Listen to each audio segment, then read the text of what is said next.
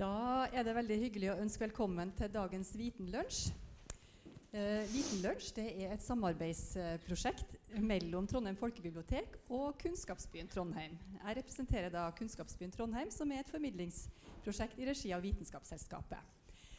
Eh, og i dag så er vi veldig glad for at vi har med oss Vegard Ottesen. Vegard er postdoktor og forsker ved Institutt for kjemisk prosessteknologi ved NTNU. Og Vegard jobber med å uh, finne fram til stoffer som kan erstatte plast. For vi vet jo at det er mange utfordringer knytta til bruken av, vår bruk av plast. Så mm. da gir jeg ordet til Vegard, som vil ha et foredrag på rundt 30 minutter. Korrekt. Og så åpner vi for spørsmål og innspill fra dere i salen etterpå. Ja, da håper jeg på gode spørsmål. Eller dårlige spørsmål. Whatever. I, helt riktig. Mange spørsmål, det er bra. Yes! Uh, tusen takk for at dere har mulighet til å komme og bruke tid på dette. Plast. På 1950-tallet ble disse materialene solgt som mirakelmaterialer. Det var ikke den ting de ikke kunne løse. Og på mange måter så er det litt vanskelig å si seg uenig med den betegnelsen. Vi bruker plast til alt. Det er i klær, det er i maling, i konstruksjonsmateriell, elektronikk til og med i såpe. Vi bruker plast til et enormt spekter med anvendelsesområder. Av den grunn så produserer vi også en enorm mengde plast. En mengde som øker for hvert år som går. Bare i 2016, som er det siste året jeg har tall for, ble det produsert 335 millioner metriske tonn med plast. Det er mye. Sett at vi hadde tatt alle personbilene i hele Trondheim bare for å illustrere det. Så hadde vi stablet dem oppå en vekt. Kommer ikke i nærheten. Vi tar med oss resten av eh, ja, herfra og sørover til Oslo. Det er jo der det er flest biler. Så I hele Norges personbilpark 87,4 ganger. Da nærmer du deg. Det er mye plast. Av all denne mengden med plast så er det omtrent 40% som brukes til innpakking. Og innpakking det brukes spesielt ikke lenge. Gjennomsnittlig levetid for et innpakkingsmateriale er ett år. omtrent. For noe så er det betydelig mindre. Det er noe helt annet enn plast som er i bruk i konstruksjonsmateriell, i uh, elektronikk og lignende, som kan da ligge og være i samme bruk i mange år eller tiår. Ta et eksempel her, da. Som plast i matinnpakking. Så lenge varte den. Og nå er sjokoladen øyeblikkelig borte, men innpakkingen den kan vi forvente vil leve lenger enn mine barnebarns barn kan forvente å kunne leve til. Det er absurd. Hvorfor bruker vi et materiale som har en levetid som måles i generasjoner, århundre, kanskje til og med årtusen, for å pakke inn et produkt som ikke overlever kinoreklamen? I hvert fall ikke hvis jeg får tak i den. Det er fullstendig absurd. Her trenger vi alternativer. Og det er ikke slik at mesteparten av det blir resirkulert heller. Av all plast som noensinne er kasta, så har omtrent 79% endt opp i fyllinger eller i naturen. Nå er det bedre i enkelte deler av verden enn i andre, og for forskjellige typer plast er det forskjellige tall som gjelder. Men dette er tallet fra, fra 2017 eller begynnelsen av 2018 fra Geir med flere, en publikasjon i Science. Det er et enormt, eh, enormt stort tall, enorm mengde med plast som bare ligger der og kommer til å bli liggende der i overskuelig framtid. I de tilfellene hvor det kommer i kontakt med miljøet, så får vi konsekvenser. Vi kan se på måken her, som er på utlån fra Institutt for biologi, at reiret dens, som er et faktisk måkereir, inneholder betydelige mengder med plast.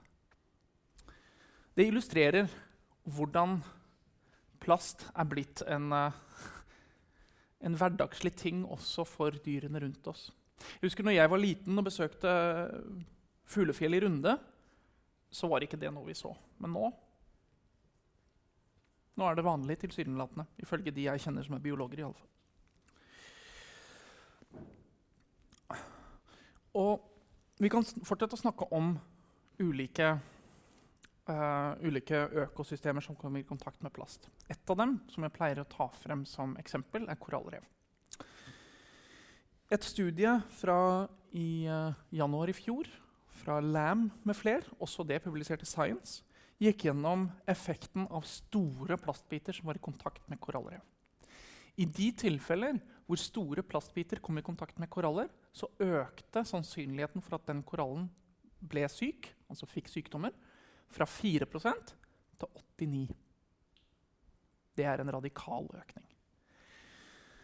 Dette kommer da i tillegg til presset som korallrevene allerede er under fra klimaendringene. altså Økte temperaturer gjør jo stor skade på dem. Og forsurning av havene gjør stor skade på dem. Også det pga. karbondioksidet vi slipper ut i atmosfæren. Dette er tragisk fra et økologisk ståsted. Vi ødelegger et økosystem. Men det er også tragisk om vi ser på fra vårt perspektiv. Vi må ikke være så naive at vi tror vi er isolert. Det er flere hundre millioner mennesker som er avhengig av korallrevene. direkte eller indirekte. Det er store industrier. Omtrent 375 milliarder dollar genereres årlig fra industrier som er i tilknytning til korallrevene. Det er da fiskeriindustri, turistnæring osv. Så, videre. så hva vil da skje med menneskelige samfunn som er avhengig av det, når det svinner hen? Vi må ikke være så naive at vi tror vi er isolert, for vi er ikke det. Problemet er altså ganske vidt.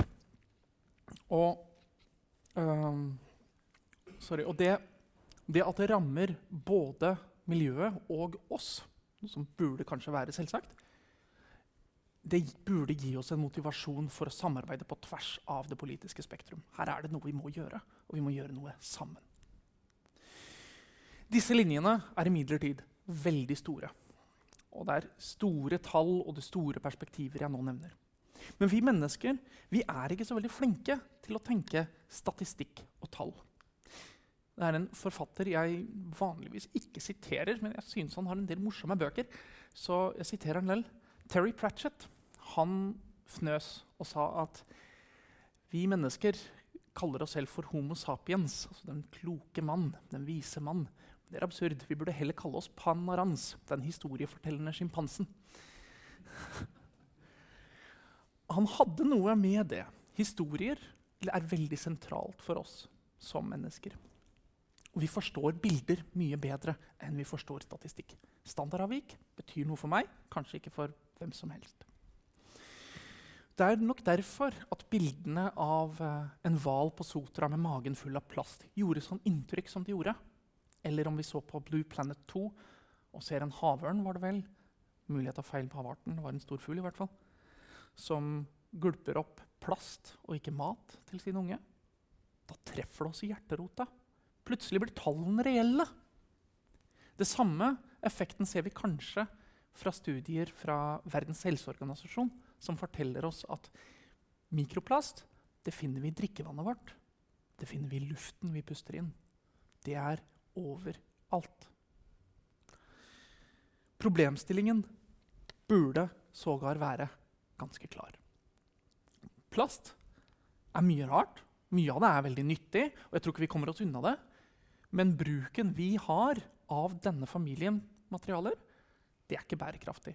Noe må gjøres også på dette punktet. Ikke bare avfallshåndtering, ikke, ikke bare uh, forbruksmønster, selv om det er ekstremt viktige ting. også. Jeg prøver ikke å nedvurdere det i det hele tatt.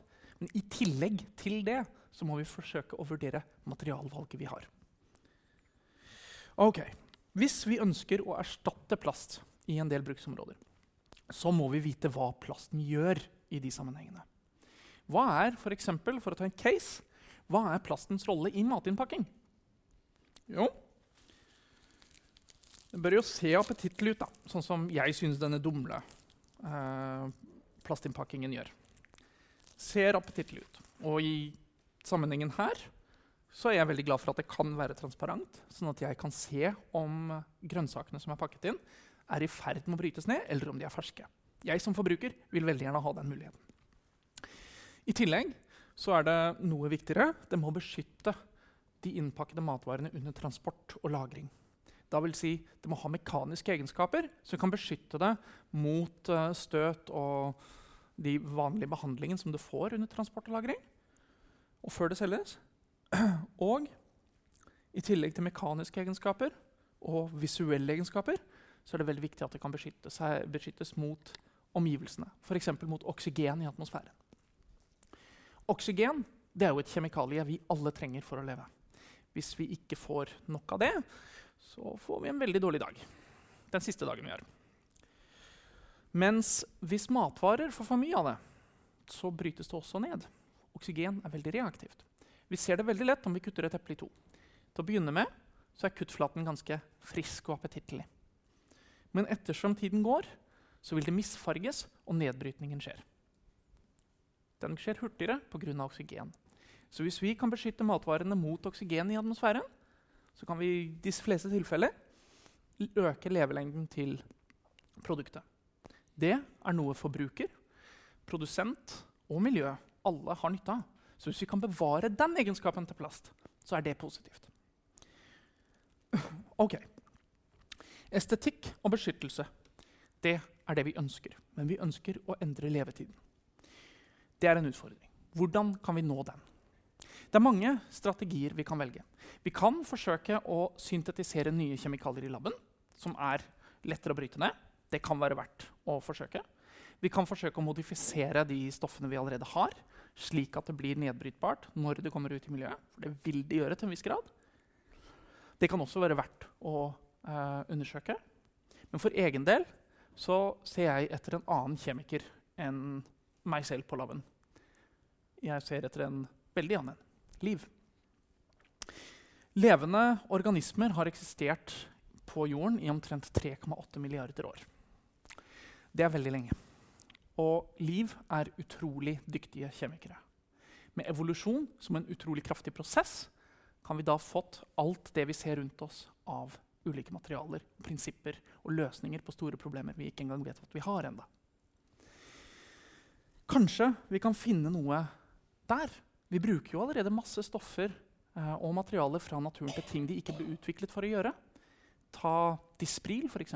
Febernedsettende og smertestillende. Jeg tviler veldig sterkt på at det ble utviklet av eh, trær for å redusere hodepine. Men det er en grei funksjon for oss. da. Så 3,8 milliarder år. Det er lenge. For, jeg, for, meg så er perspektivet jeg kan ta her For det er veldig mye vi kan se på. Vi kan se på makroskala, vi kan se på nanoskala, vi kan se på det molekylære, vi kan se på kjemien, vi kan se på mye rart. Jeg er nanoteknolog, så for meg er det naturlig å se på hvilke nanomaterialer er det vi har i naturen. Og der har vi veldig mye spennende. La oss ta et lite eksempel når dere sitter og hører på meg, så håper jeg at dere har en ganske rolig og god hvilepuls. Hvis ikke, så beklager jeg at jeg er en dårlig fremfører. Når dere har det, så er det da hjertemusklene som trekker seg sammen. Disse bevegelsene utføres på nanoskala. Du har nanotråder av proteiner som dras på av nanomotorer, som er andre proteiner, og sørger for at hjertet ditt kan slå. Eller at hånden min nå kan simulere et hjerteslag alle bevegelser du gjør, skjer i bunn og grunn på nanoskala. Interaksjoner mellom nanomotorer og nanoproteinfilamenter i kroppen. Så vi er alle nano, på sett og vis. Denne krabaten bruker nanoteknologi eller nanofibre på en helt annen måte. Det er en silkemøll i Sørøst-Asia. Og før han ble en silkemøll, så var han en silkeorm som spant en liten kokong av silke som kunne henge i solsteiken I hvert fall hvis den var ute i det ville. Hvordan kan den overleve det? For hvis du er i en lukket kokong i solsteiken, så blir du varm. Veldig varm. Jo, litt av det er kjemi. For proteinene som silke er laget av, de utstråler veldig bra i det infrarøde spektrum. Men en del av det er også nanofibrene. Nanofibrene i silketråden bidrar til å sørge for at lys blir spredt og kommer seg ut av silken igjen. På den måten er nanostruktur i silkefibre fra Bombix mori, altså silkeormen, med på å skaffe en passiv eh, nedkjøling av silkeormen. Så den kan være kaldere enn omgivelsene og overleve da solsteiken. Denne krabaten bruker nano på en helt annen måte igjen.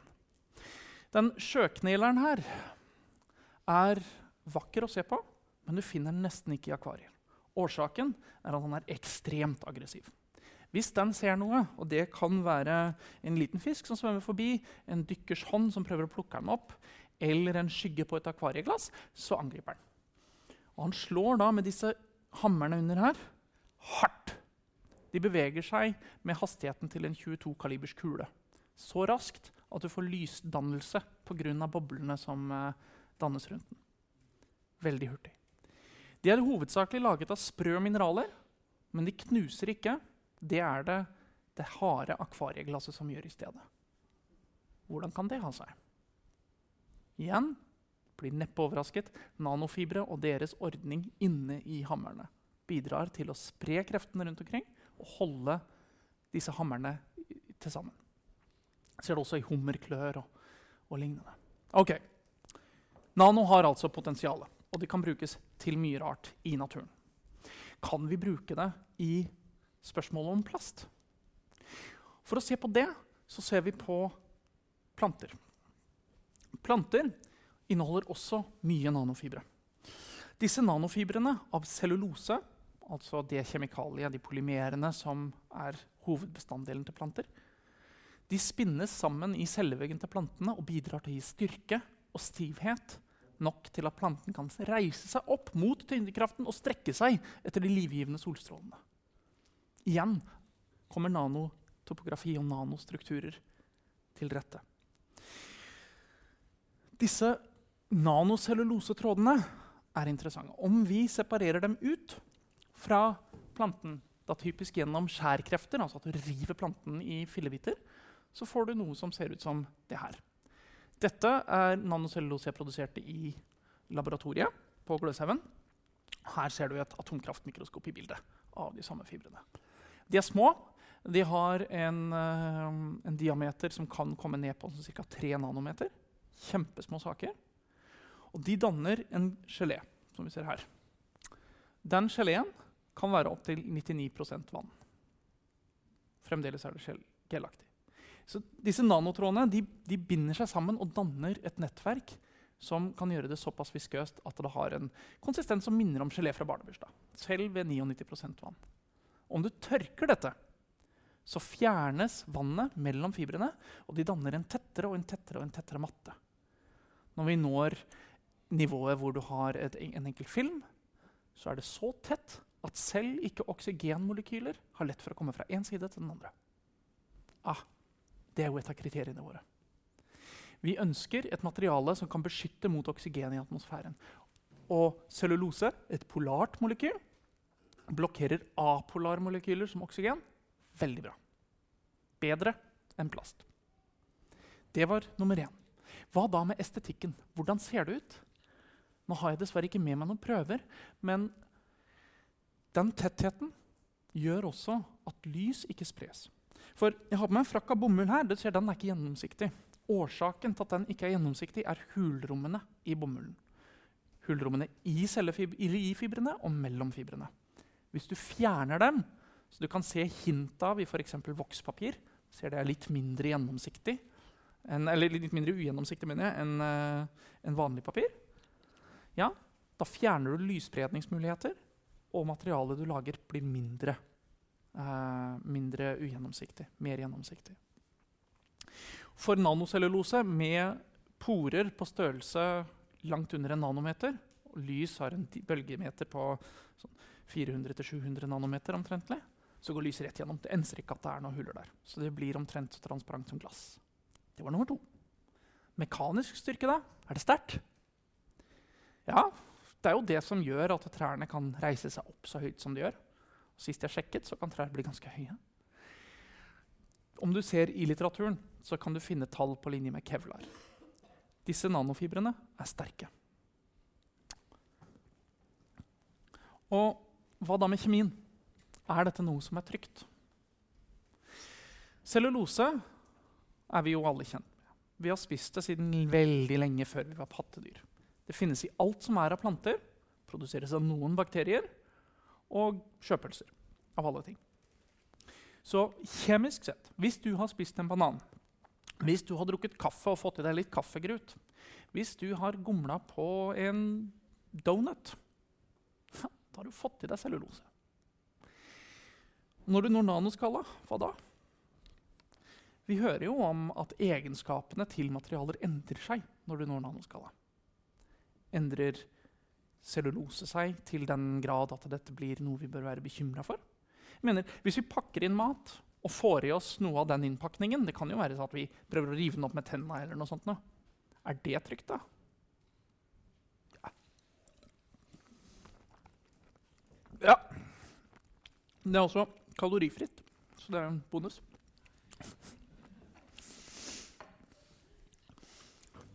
Det er trygt. Uh, nanocellulose har vært i bruk ganske lenge i en grov kvalitetsform. I f.eks. Uh, fyllstoff i piller eller i matvarer.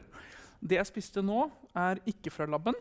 Det er fra Filippinene. Og er en filippinsk dessert ved navn nata de coco. Det har de spist ganske lenge, og det er veldig godt. Så jeg anbefaler dere å prøve det en tur. De selges på diverse innvandringsbutikker. Og jeg anbefaler det med tropisk frukt. hvis det er noen som har lyst på det. Kjempegodt. Kan fint spise det fra laben også, men da begynner det å snakke HMS-reglement med universitetet. Og jeg har ikke så veldig lyst til å ha rektor på nakken. Så jeg håper dere forstår den. Greit. Da har vi altså et potensielt alternativ til plast i matinnpakking. Et materiale som er biologisk nedbrytbart. Du finner det overalt i naturen. Og det er sterkt, potensielt gjennomsiktig, god gassbarriere. Er vi da i mål? Dette er jo tross alt et stoff vi kan produsere fra de norske skoger eller fra matavfall. Hva som helst. Jeg har nå valgt å fokusere på nanocellulose fordi A. Det er det materialet jeg skrev doktorgrad på. Uh, B. Det er et materiale som er i bruk i stor skala, som reologimodifikator i matvarer. I uh, blekk, faktisk. I uh, til styrketilsats i papir. Altså, det er i bruk ganske mange steder i industrien allerede. Og det senker uh, threshold, holdt jeg på å si. Altså, uh, det, det, senker um, motviljen mot å ta det i bruk i nye ting. Fordi man allerede kjenner materialet, man produserer det allerede i stor skala. Det er lettere å ta i bruk nye ting. Men det er mye annet som også kan brukes. En av grunnene til at jeg viste den lille fargerike krepsen, det er nettopp at kitin, som er hovedbestanddelen i, i den skall, og i rekeskall og i, i insekter og diverse, det kan også brukes slik. Kitin er en annen underutnyttet ressurs som vi kan bruke i bl.a. denne sammenhengen her. Det er også det i nano, nanoskala. Flere bedrifter i Norge produserer dette her. I, uh, gjerne i litt større, grovere sammenheng. Uh, I Norge har du Borregaard og Norske Skog. Og forskningen der ligger vi ganske langt fram. De som oppdaget gassbarriereegenskapene til nanocellulose, de er her i Trondheim. Rice PFI oppe på Gløshaugen som en uh, tidligere het Papir- og fiberinstituttet. Det var de som oppdaget den, og jobber nå videre med bl.a. å utvikle nanocellulose til dette forbruket. Dette formålet. Men veien fram til nanocellulose i denne anvendelsen er enda ikke helt ferdiggått. Vi har et stykke igjen. Um, vi må jobbe noe med å prøve å gjøre det mer fleksibelt. Uh, det er typisk noe sprøtt. Og uh, en del billigere. Det er egentlig hovedårsaken til at det ikke er i bruk. Det er fremdeles noe dyrt å lage i såpass god kvalitet som er det vi trenger. I tillegg har du all denne vannmengden. Det må bort. Hvis du ønsker å produsere dette her i Sarpsborg og så lage innpakning av det her i Trondheim, så må du frakte et materiale som er 99% vann hele veien. Det er ikke veldig lurt. Vi må finne en annen måte å gjøre det på.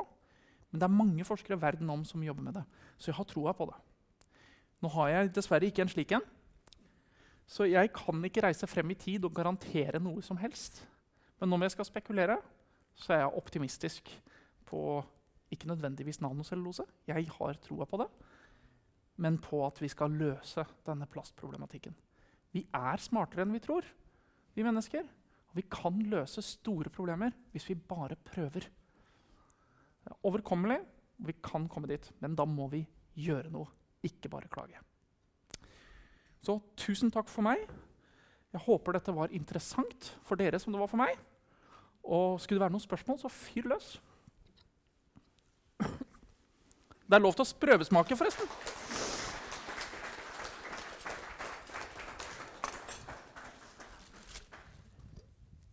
Noen som har lyst til å prøve?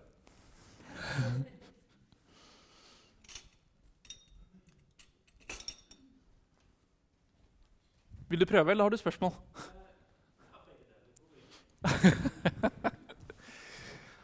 Så god.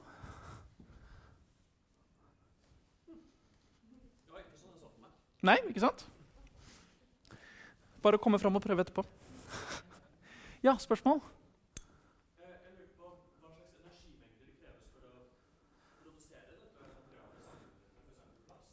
Mye. Veldig mye. Eh, men uh, jeg har dessverre ikke noe tall i huet. Jeg husker dem ikke helt. Uh, da vil jeg slå dem opp før jeg sier noe tall. Men det kommer litt an på hvordan du produserer det. Den tradisjonelle metoden som ble brukt når nanocellulose ble oppdaget, der river du de fillebiter med en kvern eller en homogenisator.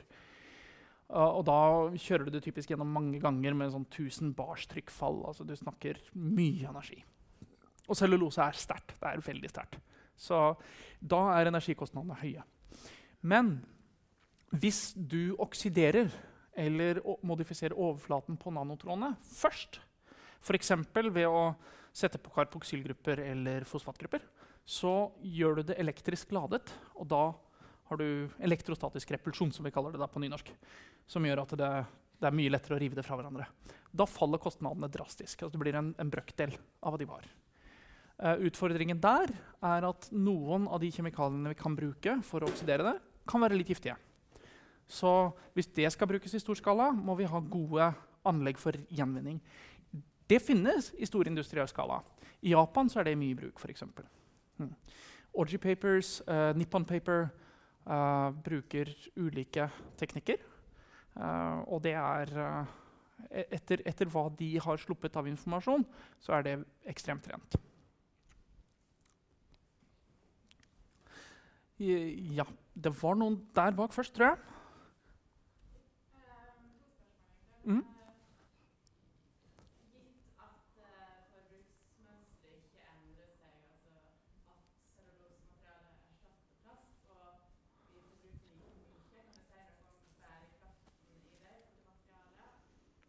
Som forsker vil jeg ikke gjøre det uten en LCA, altså en Life Cycle Assessment. Uh, det vet jeg folk jobber med. Men jeg har ikke de nyeste dataene fra den.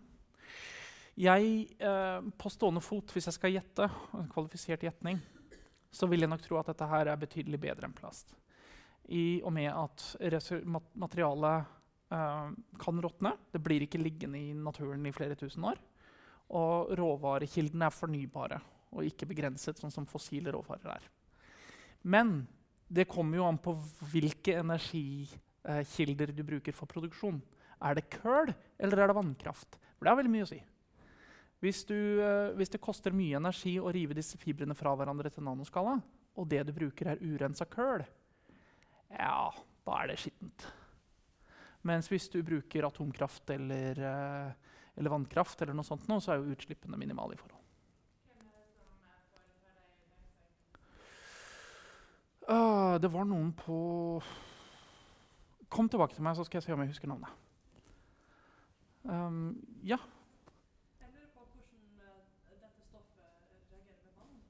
Hvis det skal brukes for å pakke inn matvarer, så vil jo vann som regel være relevant. Det er et veldig godt spørsmål, og det er en av de utfordringene til materialet også.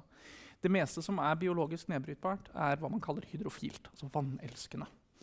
Så det som vil skje hvis du har et rent materiale av dette, som du tilfører vann på Har du sølt vann på papir før? Samme effekt. Uh, det er jo en utfordring. Men det er ikke en utfordring man ikke kan komme rundt. Det er mange strategier man kan bruke for å gjøre det mindre vannoppløselig uten nødvendigvis å gjøre det mindre nedbrytbart. Altså veldig mye mindre nedbrytbart. Du kan øke kryssbindinger mellom fibrene, sånn at du har kovalente bånd mellom dem, ikke hydrogenbånd. Det vil gjøre det mindre vannløselig. Du kan dekke det med et lite lag med voks. Eller eh, det som jeg tror vil bli brukt først av industrien, er å bruke et tynt lag med polyethylen, altså plast, og så et tykkere lag med nanocellulose. Det fjerner ikke plasten fra, fra, fra produksjonslinja, men det reduserer mengden du trenger. Så optimalt er det ikke, men det er et steg i riktig retning. i alle fall. Men hvis du pakker inn noe tørt eller noe som er oljebasert, så ikke har vann i seg, bruk det som det er. Funker fint. Var det Ja?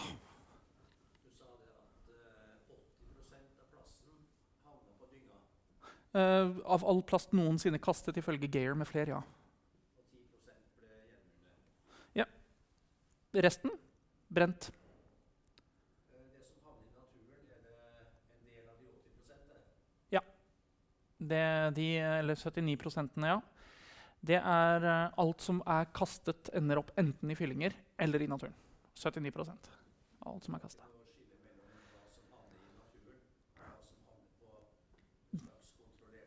Du finner mange studier som estimerer det, men de spriker veldig. Så jeg har ikke, jeg har, jeg har ikke gitt, noe, gitt noe tall i, i denne presentasjonen om det. Ja, det er stor sprikning, men det, det er snakk om altså, mange millioner tonn som ender opp i havet hvert år. Det, det, det er mye. Det er veldig, veldig mye. Når det brenner plast, eh, forsvinner liksom da. Plasten forsvinner, ja. Men altså, du, du har jo råstoffene som er igjen. Da. Karbondioksid, giftige avgasninger. Det, det er jo ikke uproblematisk. Du kan gassifisere det. Det hjelper en del på. Men altså, du tilfører jo karbon til kretsløpet. Så det er ikke, det er ikke optimalt.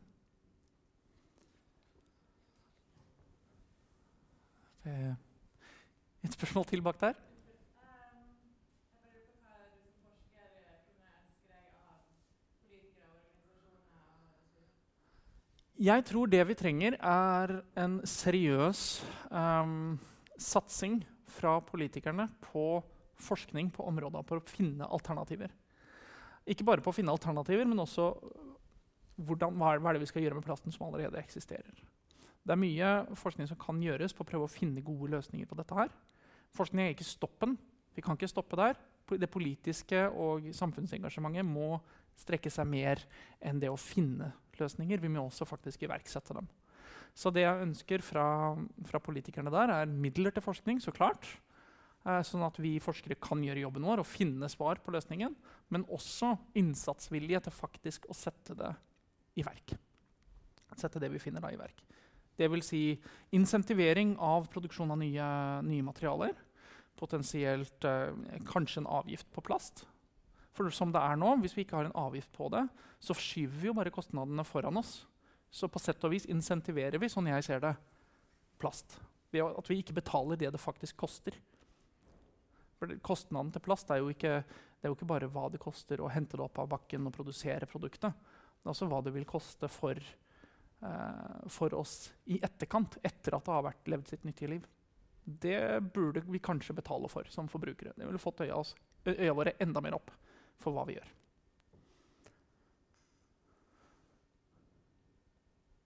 Men, ehm, ellers så anbefaler jeg for akkurat det spørsmålet så anbefaler jeg å følge med på NTNU Kveld i, eh, på Kunnskapskanalen på NRK. Hvor Helge Brattebø hadde et veldig veldig bra forekveld, ø, foredrag eh, om, de, om de virkelig store linjene i plastproblematikken. Han er professor på, på Haugen. Og veldig dyktig foreleser.